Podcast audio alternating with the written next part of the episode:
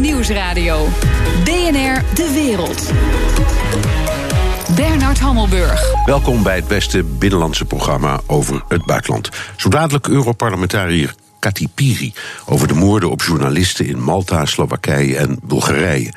Maar nu eerst. Dit openbaar maken en daarmee Rusland ook exposen, zichtbaar maken wat ze doen, is een krachtige uh, maatregel. Het is zeer ongebruikelijk om zo'n operatie zichtbaar te maken. We doen het ook omdat we daarmee het vermogen van de Russen in de toekomst om dit soort operaties te doen uh, verzwakt zal zijn. Nederland zit midden in een vette ruil met Rusland na het uitzetten van vier Russische GRU-spionnen. Na de aanslag op Skripal en zijn dochter in Engeland weer een nieuwe ontmaskering. Ligt Poetin hier nu van wakker? Ik praat erover met Hubert Smeets, Ruslandkenner en oprichter van Raam op Rusland. Welkom. Um, eerst nog even wat doet die GRU precies? Of heet het tegenwoordig GU, als ik goed begrijp? Ja, strikt genomen heet het GU. Ja, is dat het brutale broertje van de FSB, de voormalige KGB? Nee, het is de Militaire Inlichtingendienst. Uh, is opgericht al in 1918, tijdens de burgeroorlog, door de commandant uh, van het Rode Leger in die tijd. Uh, die herkennen we nog qua naam, Leon Trotsky. Ja. En de Laat, GRU, later gevlucht. Later gevlucht en Ja. ook vermoord trouwens door een uh, KGB-functionaris Ja. um, die uit België kwam. Maar de um, GRU is met andere woorden nooit deel geweest van de oude KGB. Het is altijd apart uh, militaire inlichtingendienst geweest, die ook altijd apart operationele taken uitvoerde. Je hoort van alles over die GU of GRU. Wat zeg jij? Voor het Ik zeg GRU, want zo noemen we dat ding tegenwoordig. Uh, die zouden actief zijn in Syrië, Oekraïne, betrokken bij de beïnvloeding van de Amerikaanse verkiezingen. Ze zitten achter de aanval op Skripal, uh, de hekpoging op de OPCW in Den Haag. Opeens zijn ze overal. Hoe kan dat? Dat is heel erg opmerkelijk. Er zijn namelijk niet zo ontzettend veel GRU-functionarissen. Alles bij elkaar wordt geschat 15.000. En hoeveel, hoeveel heeft de, de FSB? ja. 350.000. Dus Ja. dat valt echt in het niet vergeleken bij Ja. de staatsveiligheidsdienst FSB. Um, ze, ze zijn misschien een beetje overbelast geraakt de afgelopen tijd. Uh, maar misschien hebben ze die werklast ook zichzelf aangedaan. De GRU staat niet in een heel goed blaadje bij president Poetin. In 2008, tijdens die vijfdaagse oorlog met Georgië, hebben ze fouten gemaakt. En die fouten uh, die hebben geleid tot Russische doden uh, aan de kant van de Russische krijgsmacht. Dat is Poetin toen niet uh, vergeten. Daarna zijn er ook zuiveringen geweest binnen de GRU. Een nieuwe directeur, andere mensen afgevloeid. En mijn indruk is dat de GRU die fouten um, wil goedmaken en wil overcompenseren met enorm veel spectaculaire acties en operaties. Zodat de president in het Kremlin ze in het vizier krijgt. Ja, nou dat krijgt hij. De hele, Zeker, de hele ja. wereld krijgt ze in het vizier. Um, die spionnen bij de Skripal-affaire werden ontmaskerd. De mannen in Den Haag werden betrapt. Um, is dat nou geklungel? Of is het andersom? En uh, zegt de GRU, of misschien wel Poetin, ik leg gewoon hier en daar in de wereld mijn visitekaartje neer om te laten zien, ja, jullie hebben een, jullie Amerikanen vooral, ja, die zijn machtiger, betere bommenwerpers, beter leger, betere atoombommen, noem allemaal maar op. Maar wij hebben iets wat veel effectiever is en dat we ook al kunnen gebruiken. En Kijk maar. en we zijn maar. slimmer en brutaler. Ja. Ja, dat, dat is heel goed denkbaar. Uh, het feit dat Skripal en zijn dochter uh, met gifgas, wat misschien uh, in uh, Rusland gemaakt is, althans wat een Russische uitvinding is, zoveel, zoveel staat wel vast, um, is aangepakt. Uh, dat wijst erop dat men wil laten zien. Um, wij, wij zijn voor niets bang. He, zoals ook tien jaar geleden die voormalig overgelopen FSB-spion Litvinenko in Londen, ook in Engeland, met een kopje werd vermoord. Thee, in een kopje met, thee, ja. ja, met polonium, Ja. met een radioactief middel, Ja. werd vermoord. Maar ik weet niet of ze in het Kremlin nou zo ongelooflijk veel plezier hebben over het feit dat al die namen op tafel liggen, op straat liggen, dat die gezichten nu inmiddels bekend zijn en niet alleen hun aliassen, maar ook hun echte namen. Et Ja, maar ik denk eraan, omdat die, eh, als je kijkt naar die Skripal-aanslagplegers, die zijn dan vertoond voor de wereld op het staatsstation RT, Russia Today. En ja, dan, dan weten de Russen toch dat binnen de kortste keren in het Westen wel iemand heeft uitgeknobbeld wie het echt zijn. En dat gebeurde dus ook. Dus dan denk ik, ja, dat, dat, dat moet bewust zijn geweest. Dat kan niet anders. Dat, dat zou kunnen. Uh, hij werd, uh, ze werden voor uh, Russia Today uh, geïnterviewd. Dat is eigenlijk een, een zender voor het buitenland, dus inderdaad voor ons. Andere kant gebeurde dat een dag nadat uh, Poetin in Vladivostok, dus een heel eind weg, uh, aan de stille, Zuid, uh, stille Zuidzee, helemaal in het oosten van het land, had gezegd: we waren slechts toeristen en we hebben ze opgespoord en er is niks aan de hand. Ik weet niet of hij, toen Poetin dat zei, precies wist dat het zo makkelijk zou zijn om de werkelijke identiteit van die twee mannen te achterhalen. Ja. Ik denk het eigenlijk niet. Nee, maar, maar goed, hetzelfde geldt voor die vier mannen bij de OPCW. Die kwamen gewoon op hun eigen naam binnen. En dan, dan denk je, ja, dat kunnen we arrogant noemen. Sommige mensen zeggen klungelig. En ik denk dan steeds, ja, klaarblijkelijk. Ze, ze, ze, zeggen, hier zijn we. We doen dat helemaal niet meer in het geheim. Ja, maar laten we eerlijk zijn. Die mensen zijn aangehouden en uitgezet in april. En de hele zaak werd afgehandeld volgens de ouderwetse methode. Een beetje onder de radar, een beetje stilhouden, elkaar niet te veel in verlegenheid brengen. Door al te openlijk dat soort ontmaskeringen uh, te presenteren en uit te vinden. Dat is wel gebeurd, onder druk van de, misschien van de Amerikanen, die een, uh, een dagvaarding zeg maar, uit wilden brengen tegen een aantal GRU-officieren, onder andere die mensen uit Den Haag. En ik denk dat ze daar zich in verslikt hebben. Uh, het valt mij ook op dat de Russische regering de zaak in Den Haag helemaal niet ontkent. Dat hoor je in de Nederlandse pers wel. De Russen ontkennen uiteraard. Maar eigenlijk doen de Russen dat niet. De minister van Buitenlandse Zaken Lavrov heeft gewoon toegegeven dat die GRU-functionarissen in, in Nederland waren. En heeft ook gezegd dat ze hier um, werkten. Alleen voor iets heel normaals. Ja, wij spreken het, het op orde brengen van het computersysteem van de ambassade aan Andries Bikkerweg in Den Haag. En dat is niet heel ver van inderdaad de OPCW. En dit feit dat ze het niet ontkenden, geeft mij te denken. En ik vermoed dus met andere woorden dat ze zich wel degelijk in verlegenheid gebracht hebben gevoeld. Wat is de strategie van uh, de GRU? Uh, de GRU heeft. Uh, er zijn een paar strategieën. Ten eerste, een overloper in Rusland is zijn leven niet zeker. Het, het gezegde in Rusland: eens KGB'er, altijd KGB'er. Dus de KGB de rug toekeren is ondenkbaar. Wanneer je dan ook nog blijft werken voor de andere kant, in dit geval de Britse geheime dienst, dat God voor Skripal, ben je je leven niet zeker. Dat is de strategie nummer één. Laten merken aan de eigen agenten: jongens, dit is geen tijdelijke baan, dit is een baan voor het leven. Dat is belangrijk. Twee, ons schrik aanjagen en de, het gevoel geven dat met heel weinig uh, kleine middelen er maximale destabilisatie, bijvoorbeeld in Nederland, kan worden gerealiseerd via zo'n operatie als een hek bij het OPCW. Vergeet niet, Den Haag is natuurlijk een, voelt zichzelf de hoofdstad van de juridische wereld. En heeft er heel veel belang bij dat die grote uh, internationale organisaties die in Den Haag gevestigd zijn, als OPCW, als het Vredespaleis, als um, um, Europol, dat die zich veilig voelen. Ja. En als je daar dus gaat prikken als GERO-agent, dan sla je twee vliegen in één klap. En nu is het antwoord dat iedereen roept, ook de Amerikanen, Britten en Nederlanders tegelijk op die dag van die OPCW-zaak. Uh, sancties, harder optreden. Uh, is dat zinvol? Haalt het wat uit? Richt het wat aan? Nee, de sancties, dat is volgens mij zo'n, je zou kunnen zeggen, Amerikaans-Westers idee. Ja, geconditioneerde reflex. Bijna, bijna ja. geconditioneerde reflex. Je hebt in Amerika ook een, een, een soort van onderminister die met niets anders bezig is dan met sancties uitvaardigen en, uh, en implementeren en vervolgens ook controleren. Ik denk dat dat geen effect heeft. Laten we eerlijk zijn, de Russische economie groeit een heel klein beetje. Niet veel, maar een heel klein beetje. Terwijl die sancties alleen maar zwaarder zijn geworden de afgelopen jaren. Ja, nog even iets over MH17. Um, er gaat binnenkort een delegatie van de Tweede Kamer naar Rusland. Zou dat in deze tijd door moeten gaan? En ik vraag het omdat nabestaanden hebben gezegd: ja, daar wordt dan misbruik van gemaakt. Die mensen komen dan in beeld en die worden dan op dezelfde manier misbruikt, eh, propagandistisch, als al dit soort kwesties. Ja, in Rusland zelf zeker. Ja. Um, maar de MH17-zaak is in Rusland zelf geen issue. Uh, want de meerderheid van de Russische televisiekijkers gelooft het officiële verhaal. Namelijk dat de Nederlanders onderzoek doen dat niet deugt. En dat het eigenlijk de Oekraïners zijn geweest die dat ding hebben neergehaald, dat vliegtuig boven de Donbass. Uh, de vraag is natuurlijk uh, of het niet laten gaan van een delegatie iets verandert aan de Nederlands-Russische betrekkingen. Ik denk het niet. Ik denk dat het eigenlijk een zwaktebod is. Maar geef toe, dat is een standpunt wat voorbij gaat aan de emotionele betrokkenheid van de nabestaanden ja. van de MH17. Ja, maar die willen maar, dus liever niet. Dat nee, die, die willen dat liever niet en dat snap ik heel goed. Maar laten we eerlijk zijn. Uh, Rusland ligt waar het ligt en het gaat er niet weg. En nee. Nederland ligt ook waar het ligt. En Nederland is een belangrijke gaspartner, energiepartner van Rusland. Dus ik denk dat uh, het afstellen um, een brug te ver is. Uitstellen lijkt me heel verstandig. Ja. Zo dadelijk. Vinden de gewone Russen al die spionageverhalen niet hartstikke mooi? BNR Nieuws Nieuwsradio. BNR De Wereld. Mijn gast Hubert Smeets, Ruslandkenner en oprichter van Raam op Rusland. Он просто шпион, предатель Родины.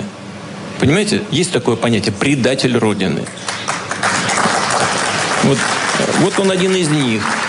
Vladimir Poetin noemt de oudspion Skripal een landverrader. Voor eigen publiek haalt hij keihard uit. Althans, ik neem aan dat het vooral voor eigen publiek was. Hoe kijkt de gewone Rus naar de laatste ontwikkelingen rondom die spionnenmanie? Uh, Hubert, wat krijgt de Rus, de, de, de Rus allemaal mee van Hij deze? krijgt dit soort dingen mee. Poetin die zegt, deze man, die Skripal, was een landverrader en een ploert. En wat doen we met ploerten? Die leggen we om. Dat is evident in de Russische traditie.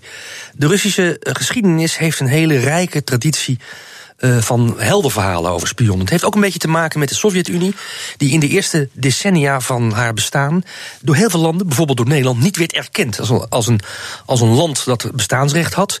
Um, en het gevolg daarvan was dat de spionnen van de Sovjet-Unie, van de KGB om maar even zo te zeggen, en van de GRU, niet onder dekking van de diplomatieke betrekkingen konden opereren, zoals de Engelse spionagediensten dat wel kunnen.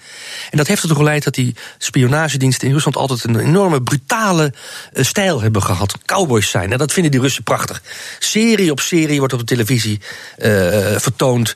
Waarbij uh, de meest spectaculaire spionnenverhalen. in de sfeer van James Bond zou je kunnen zeggen.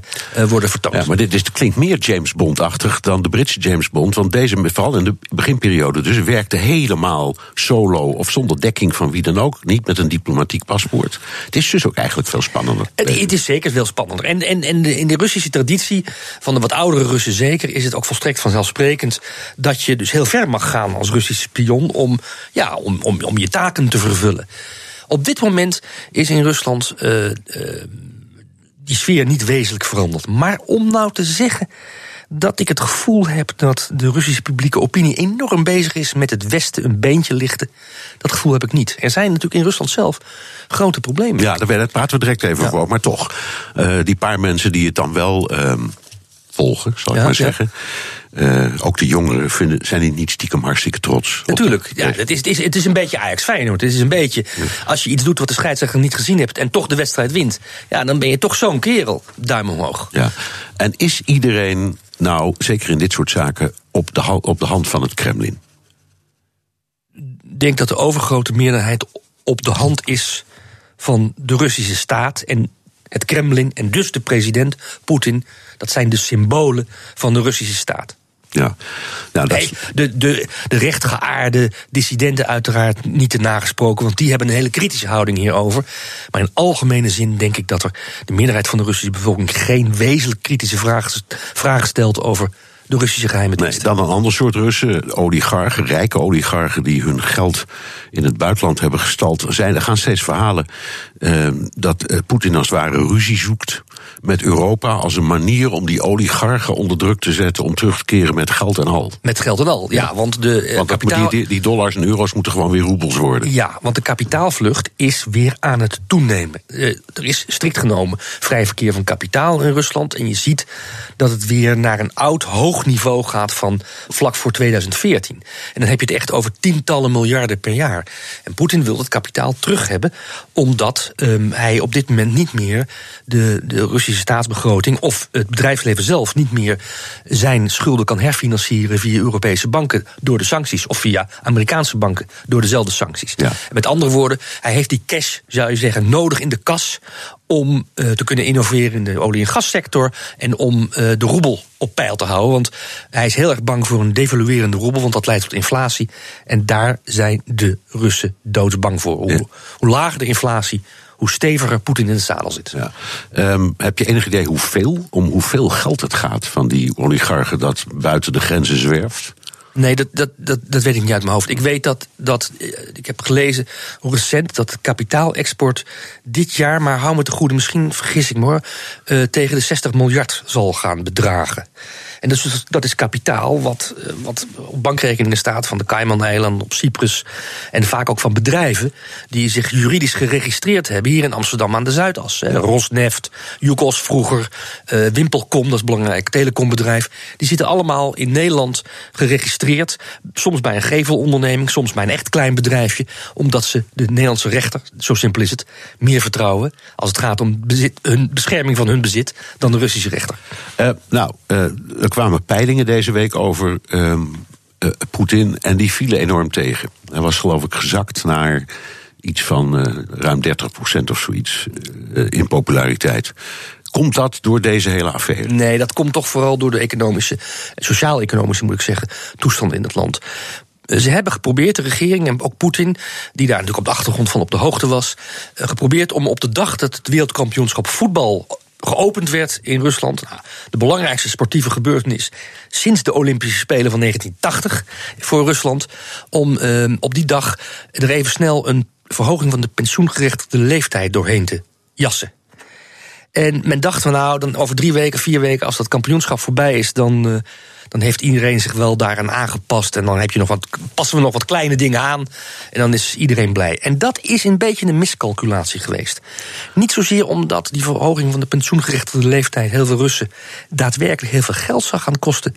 Maar het is een belediging van de ouderen in Rusland. Nou ja, ouderen. Ik geloof dat die van vrouwen gaat van 50 naar 55. Nou, en van mannen. je overdrijft een beetje. 55 van naar 55 naar, naar 60. En, en bij nu. mannen van 60 naar 65. Ja, dat, ja. Is, dat is tegenwoordig toch niet meer. De rest van de wereld is al veel verder. Jazeker, um, maar het gaat in een heel snel tempo. Veel sneller dan bijvoorbeeld in Nederland, dat is één. Twee, um, het pensioen is heel laag. Dus het AOW'tje wat je krijgt in Rusland is vaak gewoon ja, een kleine fooi om je, je, je gas- en lichtrekening te kunnen betalen. En je blijft daarnaast werken. Um, en um, dus dat pensioen is een soort van symbolische, symbolische waardering voor de, de 60-plussers die hun leven gegeven hebben uh, voor de arbeid. Ja. En dat speelt nog altijd in Rusland wel. Laten we eerlijk zijn, de meerderheid van de Russen heeft de Sovjet-Unie nog meegemaakt. Zeker. Uh, en daar was het pensioen ook klein, maar dat was wel een grote zekerheid. Dat gevoel hadden ze toen, dat herinner ik me ook nog heel goed. Aan de andere kant, als het maar om zo weinig geld gaat. Waarom is... maken en Poetin en de bevolking is zo druk. Waarom maakt Poetin daar zo'n groot punt van? Omdat het, uh, nou ten eerste omdat het moet. Uh, om dezelfde reden als waarom in Nederland de pensioengerechtigde leeftijd is verhoogd. Het is niet meer op te brengen. In Rusland worden pensioenen niet betaald via een verzekeringsstelsel zoals we in Nederland in particuliere zinnen hebben georganiseerd. Maar het komt rechtstreeks uit de staatkas. Nou, de economische crisis en de vergrijzing van de bevolking maakt de, de, de spoeling dunner, dat is één. Twee, het is onderdeel van een crisis in de verzorgingsstaat in het algemeen. Het gaat niet alleen om de pensioenen. Bijvoorbeeld ook de gezondheidszorg verkeert in een crisis. Ja. En die moet ook ge, uh, hervormd worden. En dat gaat ook leiden tot hogere kosten voor de gewone Rus. Ja, je zei net, de economie gaat een heel klein beetje beter. Anderhalf procent. Maar plus, het ja. is nog steeds slecht. Um, wat is er wat is er dan aan de hand? We, we hebben vroeger wel eens gezegd, of jij zelf. Uh, Rusland heeft drie exportartikelen: gas, uh, olie en Kalashnikovs. Misschien tegenwoordig ook uh, landbouwproducten. Maar wat is er mis? Want er wonen maar 140 miljoen mensen, dus het moet niet zo'n klus zijn om zo'n economie redelijk gaande te houden. Nee, maar de olie, olieprijs is nu weer wat aan het stijgen, maar is lange tijd natuurlijk toch vrij laag geweest, onder de 60 dollar per vat. 60 dollar per vat is ongeveer de grens waarbij de Russische staat uh, moet beslissen om te bezuinigen of niet. Bezuinigen op sociale zekerheid bijvoorbeeld. Dat is één. Twee, ze hebben heel veel geld nodig um, om uh, met name de olie- en gassector te innoveren. Dus de productiviteit in die sector is veel te laag. Dat speelt ook een rol. Dat geld hebben ze niet. Dus ze moeten geld vrij daarvoor maken. En dat leidt uh, tot um, minder consumptie op het niveau van de gewone koopkrachtige vraag. Dat speelt een rol. En het derde wat een rol speelt, is dat Rusland eigenlijk geen maakindustrie heeft. Je zei het al, olie, gas en Kalashnikovs. Nou ja, ik wil niet vervelend zijn, maar de gemiddelde burger uh, bakt toch liever um, een, een ei dan dat hij uh, met een Kalashnikov in de ronde gaat schieten. Ja. Um, dus je, uh, de, de, de, de import van heel veel gewone producten die de Russen nodig hebben in hun dagelijks leven, komt uit China, komt uit, uh, uit Europa, komt uit India, et cetera, et cetera. En door de geldontwaarding en vooral ook door de um, koersdaling van de roebel, die is nog maar 75 Er gaan nog maar 75 roebels in een euro. En dat was vier jaar geleden twee keer meer. Um, is de koopkrachtige vraag van de Russen ook afgenomen met een, met een vrij significant percentage. En dat leidt ook tot die, zou kunnen zeggen, die economische malaise, laat ik dat woord gebruiken. Ja. Ten slotte, dit, maakt, dit hele pakket, die pensioenen, maakt de Russische bevolking zeer onrustig. Leidt dat nou tot, een, tot echte oppositie tegen Poetin?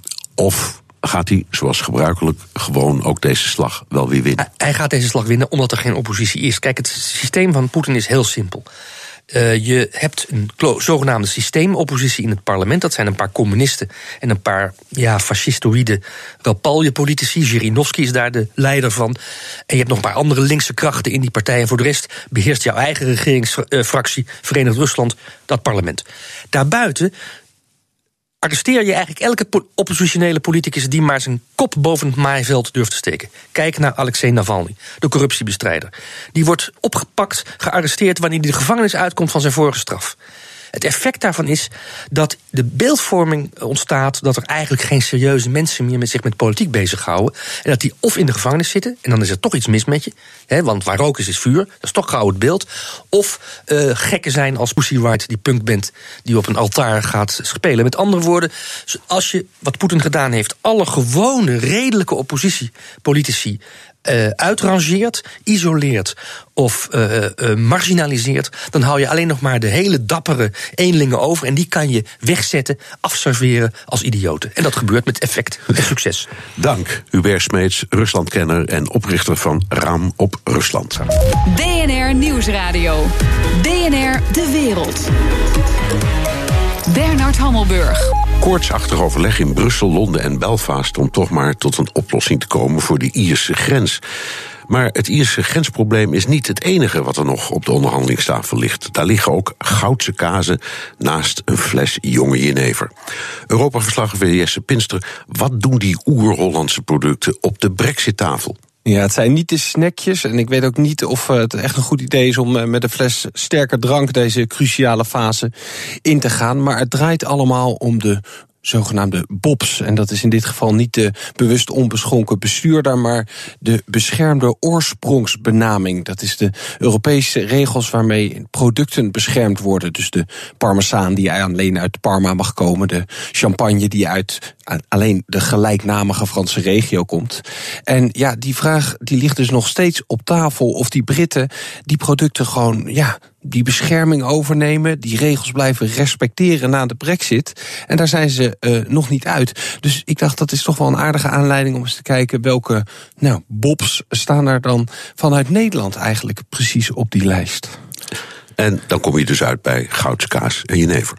Ja, onder andere. Maar je komt ook nog wel bij wat eh, andere interessante producten uit. Zo ben ik eens rond gaan bellen rond de Opperdoezer rondes. Dat zijn aardappels die uit de zavelgronden in Noord-Holland komen. En dan echt alleen bij het dorpje Opperdoes.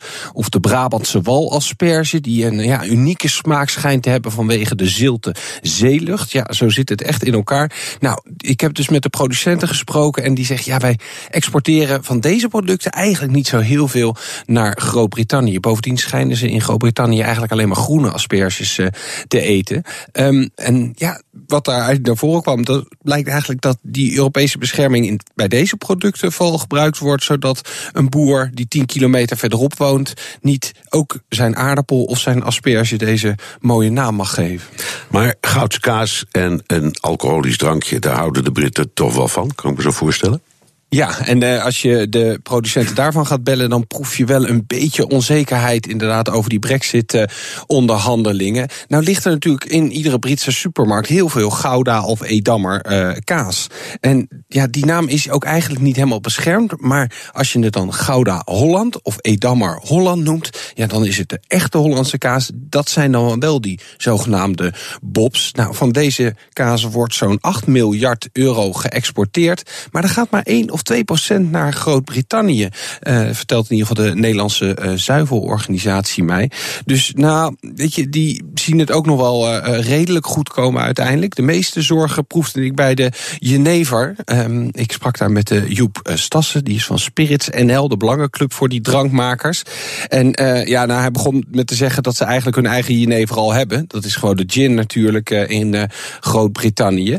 En, um, maar goed, Jenever, dat kan misschien toch ook daar populair worden, was zijn zorg wel. Maar hij zei, ja, die Britten hebben nog veel meer te verliezen. Want een van die beschermde producten is ook de Schotse whisky. Dus als ze deze afspraken niet willen overnemen, dan kan iedereen in de EU, maar ook in alle landen waar de EU een handelsakkoord mee heeft, Korea, Colombia, ik noem er maar eens een paar, die kunnen whisky gaan destilleren en dat gewoon gaan verkopen als Schotse whisky. Het klinkt alsof beide partijen een belang bij hebben dat ze goede afspraken maken over door de, door de EU beschermde producten dan.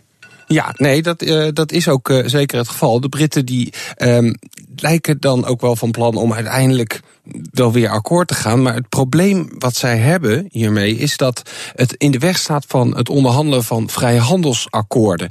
Um, en dat willen de Britten natuurlijk heel graag. Het Global Britain, waar Theresa May het dan over heeft. En vooral met de Amerikanen zouden ze graag een, uh, een vrijhandelsakkoord hebben. We're working on a trade deal, which will be a very, very big deal, very powerful deal, great for both countries.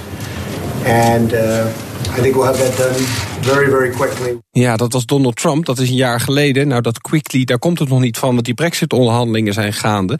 Maar ja, Amerika, daar hebben ze een behoorlijke hekel aan de bobs, de beschermde producten. Want ja, er zijn gewoon kaasmakers, die maken daar ook parmezaan. En dat willen ze graag zo houden. Was ook een groot struikelblok toen de EU en Amerika nog onderhandelden over een handelsakkoord. Dus ja, dat is de reden dat dit zo'n lastig punt in die Brexit-onderhandelingen is. Want de Britten willen heel graag hun handen vrij hebben om straks handelsakkoorden af te sluiten. Dankjewel. Europa-verslaggever Jesse Pinster. The Donald Show. Het is weer tijd voor een update over de United States of Trump met Jan Postma, onze correspondent in Washington. Jan, Trump heeft deze week zijn campagneboodschap gevonden. Ja, en dat uh, is dankzij Brett Kavanaugh, Amerika's uh, nieuwste opperrechter. Uh, dat werd nogal een harde strijd van beide kanten... met al die beschuldigingen van Christine Blasey Ford. Allemaal de demonstraties hier ook van democraten met name in, in Washington.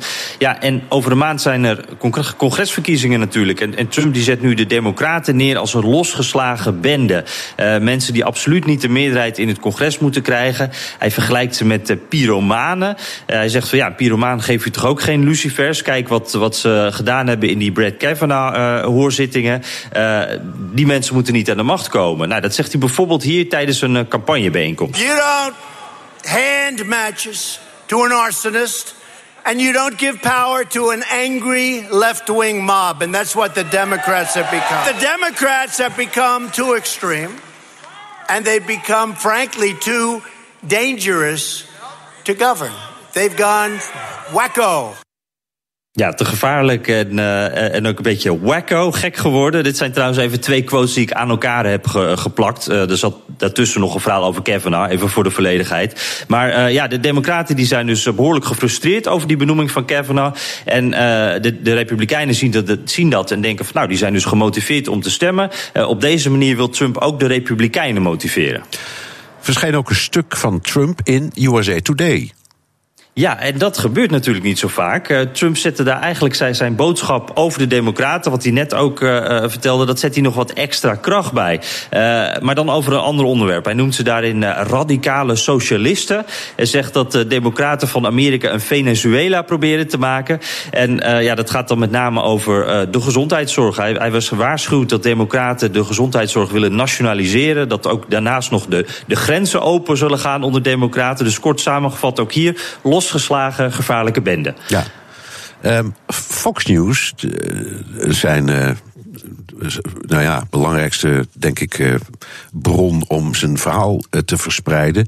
Die zie je niet meer bij elke Trump-speech Nee, klopt. Dat is wel opvallend. Want zij zijn inderdaad het, grootste ja, uithangbord, eigenlijk megafoon voor Trump. Uh, en, en, Trump is nu op uh, een tour. Hij heeft bijna elke avond een campagne-event. Die eerste twee werden nog door Fox News uitgezonden. Maar ja, na een tijdje, dat, weet je ook, hè, als je één keer die speech gehoord hebt, dan, dan ken je het ook wel. En dat dachten de kijkers van Fox News blijkbaar ook. De kijkcijfers gingen naar beneden. Dus zij zijn nu gestopt met het live uitzenden van die speeches.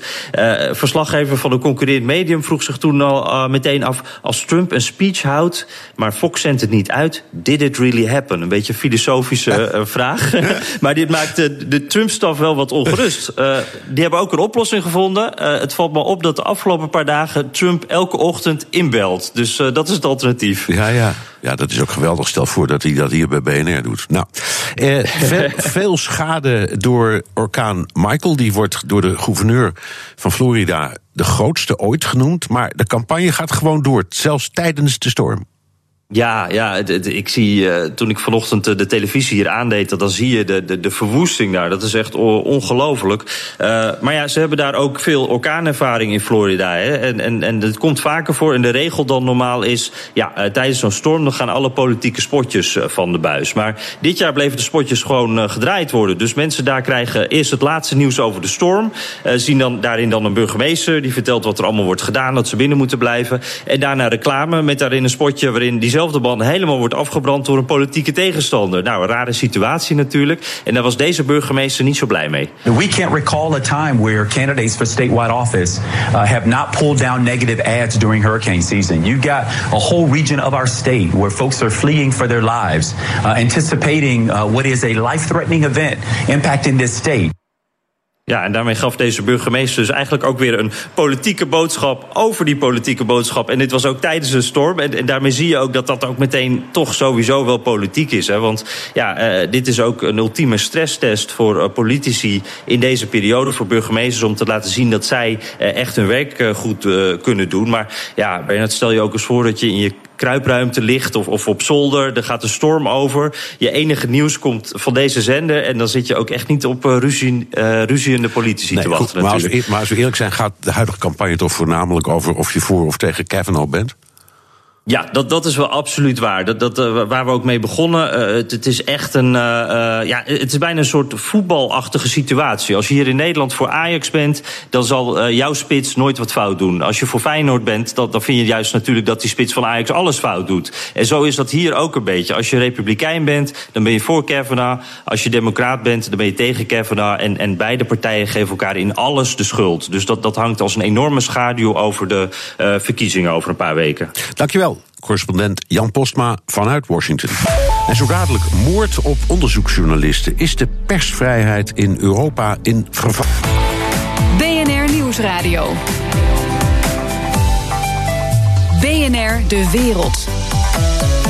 Er is een verdachte aangehouden in de zaak rond de vermoorde journaliste Victoria Marinova. Bulgari направиха така през тези няколко дни, че за България се говори като за Малта и за Словакия. Да си очернят държавата по най-брутален и гаден начин. Nou, u begrijpt het al, dat is de premier van Bulgarije. Die is boos op de westerse reacties op de moord. Voor de derde keer binnen een jaar wordt er binnen de Europese Unie een journalist vermoord die corruptieonderzoek onderzocht. Maar volgens Bulgarije is het absoluut geen afrekening. Ik praat erover met mijn gast Kati Piri, Europarlementariër voor de Partij van de Arbeid. Welkom. Dank u wel. Um, Allereerst even iets anders. Bent u blij met de kandidatuur van Frans Timmermans voor de plek van Juncker als uh, opvolger, leider van de. Natuurlijk ben ik daar als PvdA heel blij mee. Uh, begrijp ja. Kan hij winnen? Dat kan hij zeker. Hij moet de meerderheid van het Europese parlement achter zich krijgen. Ja, maar goed, de, de, traditioneel is het bijna altijd iemand van de, van de Christen-Democraten ja, ik die denk die post. Een, een van... Ja, nou is daar gemoord, dus die, die, die, die, hebben het heel moeilijk, maar toch. Ja. Nou, de Christen-Democraten hebben nog steeds niet zelf alleen een meerderheid in het Europese parlement. Zullen ze na de verkiezingen ook niet hebben. Dus het gaat erom, krijg je meerdere partijen achter je om meer dan 50% te krijgen. En uh, die kansen liggen volgens mij volop open voor Frans Timmermans. Ja, dus hij heeft echt een kans. Zeker. Ja, ja Rutte deed een beetje zuinig gisteren op het nieuws, maar goed. Ja, hij is van een andere partij. Maar ik denk dat, uh, dat elke Nederlander op zich trots kan zijn, ook al ben je geen PvdA, dat we meedoen in de race om de hoogste posities uh, in de Europese Unie. Oké, we gaan praten over waar we u voor hebben uitgenodigd. Uh, dat zijn die drie journalisten die zijn vermoord allemaal onderzoeksjournalisten in, in Malta, in Slowakije, in Bulgarije. Dat kan toch bijna geen toeval zijn, denk je dan? Nou ja, in ieder geval hebben de zaken niet zoveel met elkaar te maken. Maar het, het, geeft wel aan dat we ons wel zorgen moeten maken over de bescherming van onderzoeksjournalisten in de Europese Unie.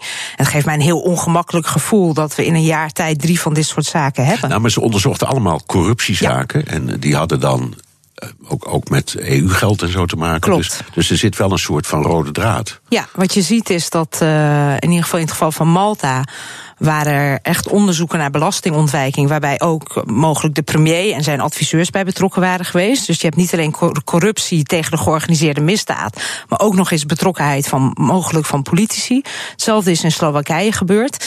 Nu, de recentste geval in uh, Bulgarije lijkt wat dat betreft een beetje anders te zijn.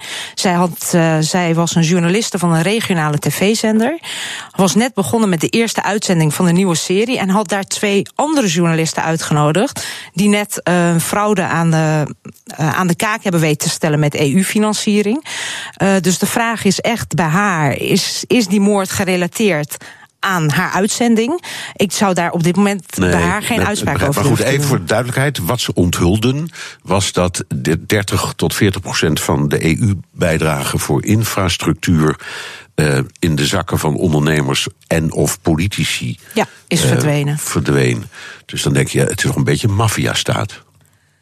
Nou ja, dat we zorgen hebben over corruptie in een aantal Europese landen. En met name ook uh, Bulgarije, waar ik zelf ook een paar maanden geleden onderzoek naar heb gedaan. Uh, dat, is, uh, dat is een feit. Ja. En dit, dit alarmeert natuurlijk iedereen.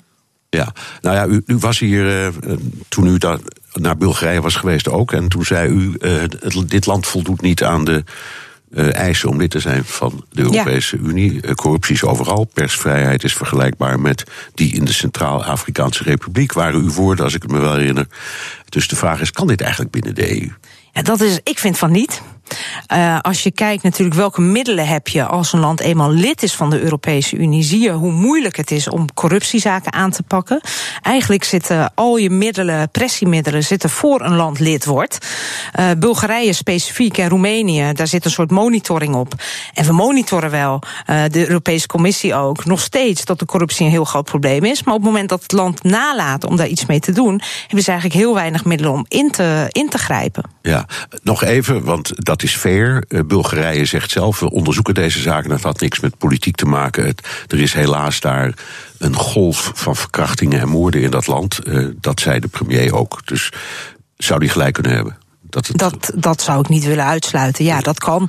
Uh, maar in, in het geval van die andere twee eerdere onderzoeksjournalisten is het ook vast komen te staan dat die zijn vermoord vanwege hun werk. Ja, maar in, in Malta, waar een journalist uh, de corruptie van premier Muscat ja. onderzocht. Uh, nou, dat, dat onderzoek ligt stil inmiddels. Slowakije zijn er na moord op een journalist en zijn partner een paar verdachten opgepakt. Heeft u er vertrouwen in dat die landen op zichzelf wel gewoon justitieel en politioneel onderzoek kunnen doen. En dat dat, dat, dat uiteindelijk gewoon keurig eindigt in rechtszaken. Nou, het, het moeilijke is natuurlijk wanneer je ook weet dat er onderzoek wordt gedaan naar politie. In dit geval, in allebei de keren waren ook de premiers in ieder geval betrokken ja. uh, bij de aantijgingen.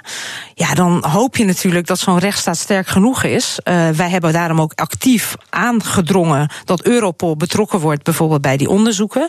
Ik vond het mooi om te zien hoe in Slowakije uiteindelijk de grootste opstanden kwamen op straat sinds 89, sinds de omwenteling. 60.000 mensen gingen de straat op om het aftreden te eisen van de premier. Dat is ook gebeurd. En ik denk die interne druk in een land, dat je dat ook moet ondersteunen wanneer mensen zich uitspreken tegen corruptie. Ja, want dan kom ik even terug op wat u net zei. Je kunt eigenlijk als Europese Unie niet zo heel veel doen tegen die landen. Nee, je ziet als, hoe de Europese Unie is geregeld. Kijk, de commissie die moet natuurlijk onze, uh, uh, onze afspraken beschermen. En die afspraken zijn met name gedaan over de interne markt. Zoals het gaat om persvrijheid. Als het bijvoorbeeld gaat om een concentratie uh, van uh, een aantal tv-stations die te groot wordt, dan kan je een soort inbreukprocedure starten, omdat het he, tegen concurrentiebeding is. Als het gaat om systematische schending van de rechtsstaat, dat is moeilijk te bewijzen. Maar die procedures heeft de commissie nu opgestart tegen Polen. Ja. Uh, en, en, wij in het parlement Hongarije. Hongarije. Staat, staat, ja. Klopt. Precies. En, en hierbij is natuurlijk heel moeilijk aan te tonen: is er sprake van een systematische schending door de staat als het gaat om dit soort corruptieschandalen? Ja, maar je, je, voor je gewone gevoel denk je. Het is fout. Ja, en, en het is misschien heel goed dat uh, de commissie zich uit of probeert eh, Polen en Hongarije onder druk, of het parlement en de commissie ja. proberen Hongarije en Polen onder druk te zetten. Maar hier, ja, dit zijn vreselijke gevallen, maar hier hoor je eigenlijk niet zo heel veel over. Dus zou, zou, zou de commissie toch niet meer uh, moeten doen. Ik, ik hoorde overigens, Timmermans heeft wel meteen gereageerd. Meteen, bij alle moorden, bij alle en, drie en, moorden, en de ja. Nederlandse minister Blok van Buitenlandse Ja. Zaken ook meteen. Ik neem Ja. aan anderen ook. Maar goed, je hebt toch een gevoel van onmacht. We, we maken ons druk over twee landen, maar niet over eh, drie andere landen waar dat soort moordpartijen plaatsvinden. Ja, ik denk, kijk, als je juridisch de mid- middelen niet hebt om het aan te pakken, dan heb je een ander middel, wat vaak nog machtiger is. Dat is politieke middel. Name en shame. En dat zie ik de commissie wel doen. Dat zie ik het parlement doen. We hebben meteen naar allebei die landen, en ongetwijfeld gaat dat in Bulgarije ook gebeuren, hebben wij een commissie gestuurd om te onderzoeken, daar te praten met familieleden van de vermoorde journalisten, met collega's van hen, met de regering, met de politie, met de rechters die het onderzoek doen, aan te dringen dat er een internationaal onafhankelijk eh comité komt die ook kijkt of het onderzoek inderdaad goed gedaan wordt. Want u zei het net zelf, er zijn nog steeds geen mensen veroordeeld eh, voor die moorden. In ieder geval niet de opdrachtgevers. Eh, die zijn ook nog niet opgepakt. Dat is wat je moet doen. En dat zou ik niet alleen de commissie laten doen. Ik zou het ook zeker de regeringsleiders laten doen. Ja, nou, dat is waar. Maar u zegt behalve dan, nou ja, name en shame, dat is één middel, dat gebeurt ook. Ja. En dat zal ongetwijfeld, die regeringsleiders zullen dat ook wel gaan doen, althans een aantal daarvan. Maar feitelijk heeft de, de, commissie geen middelen. Hè? Want Nee. in de kwestie van eh, Polen en misschien Hongarije wordt er dan gesproken over artikel 7. Dus Klopt. dan kun je die landen uitsluiten van eh, stemrecht binnen de commissie. En je kunt misschien ook eh, de, de geldstroom afknijpen, maar verder kun je niet veel. Nou ja, dat hebben we in, in, eerdere gevallen inderdaad ook bijvoorbeeld bij Bulgarije vanwege corruptie gedaan. We hebben gewoon een aantal subsidies stopgezet naar dat land. Maar, maar beschermen dat nu, die onderzoeksjournalisten in die landen die zich daar zorgen over maken. Ik vrees dat daar veel, veel, veel meer voor, voor moet eh, gebeuren. Je moet een soort bescherming hebben eh, voor onderzoeksjournalisten. Niet alleen corruptie, maar ook georganiseerde misdaad onderzoeken. Daar zou veel meer samenwerking op moeten zijn op Europees niveau. Maar het blijft een feit, zoals u zegt, dit is niet een Europese competentie. Zou het volgens mij, zou je daar veel meer middelen, ook voor de Europese Unie, eh, moeten geven. Wat dat betreft is de soevereiniteit en, en hopen dat in de Europese Unie dit soort onderzoeken goed gedaan worden. Ja, maar even voor de duidelijkheid. eh, bijvoorbeeld in Bulgarije, dat, daar lees je ook verhalen over dat. ehm, eh, de- Heel veel journalisten ook worden geïntimideerd om dit soort verhalen niet te brengen. Het lijkt wat dat betreft een beetje op Rusland. Ja.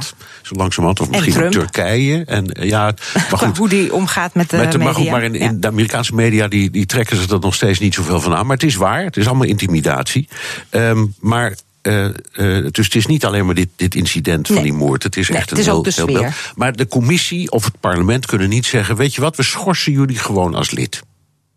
Eh, dat ligt bij de regeringsleiders en die moeten Kunnen daar. die dat wel? Die zouden dat kunnen doen, maar dan moeten ze het unaniem daarover eens zijn, behalve het betreffende land. Ja.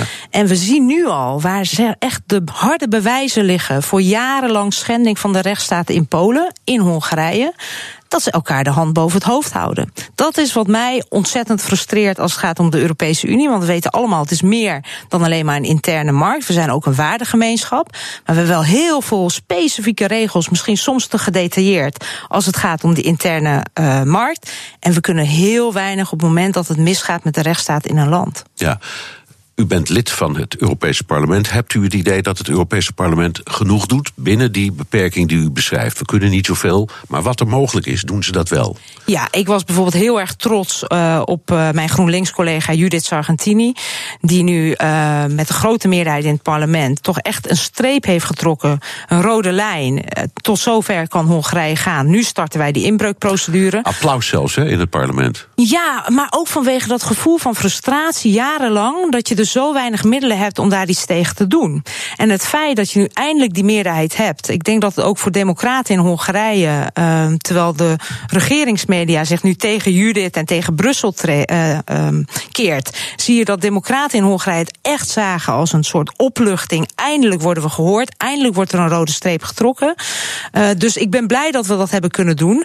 Maar er zijn meer gevallen helaas waar het uh, vaak niet eens tien jaar misgaat, maar waar, waar je ziet dat het de verkeerde kant op gaat en je soms machteloos toekijkt omdat je niet kunt ingrijpen, behalve politieke uitspraken te doen. Ja, en dat doet u. Dank. Kati Piri, Europarlementariër voor de Partij van de Arbeid. En tot zover BNR De Wereld. Terugluisteren kan via de site, de app, iTunes of Spotify. Tot de volgende week.